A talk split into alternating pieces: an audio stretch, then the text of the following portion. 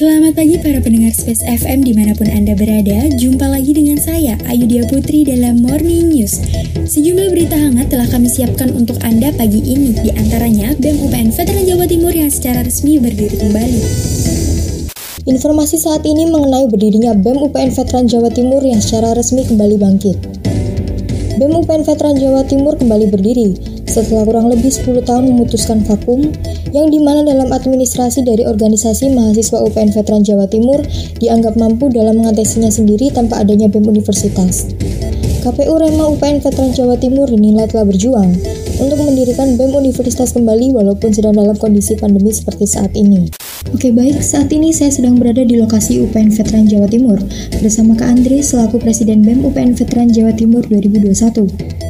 Saya akan memberikan pertanyaan terkait dengan BEM UPN Veteran Jawa Timur resmi berdiri kembali. Mengapa diputuskan untuk vakum?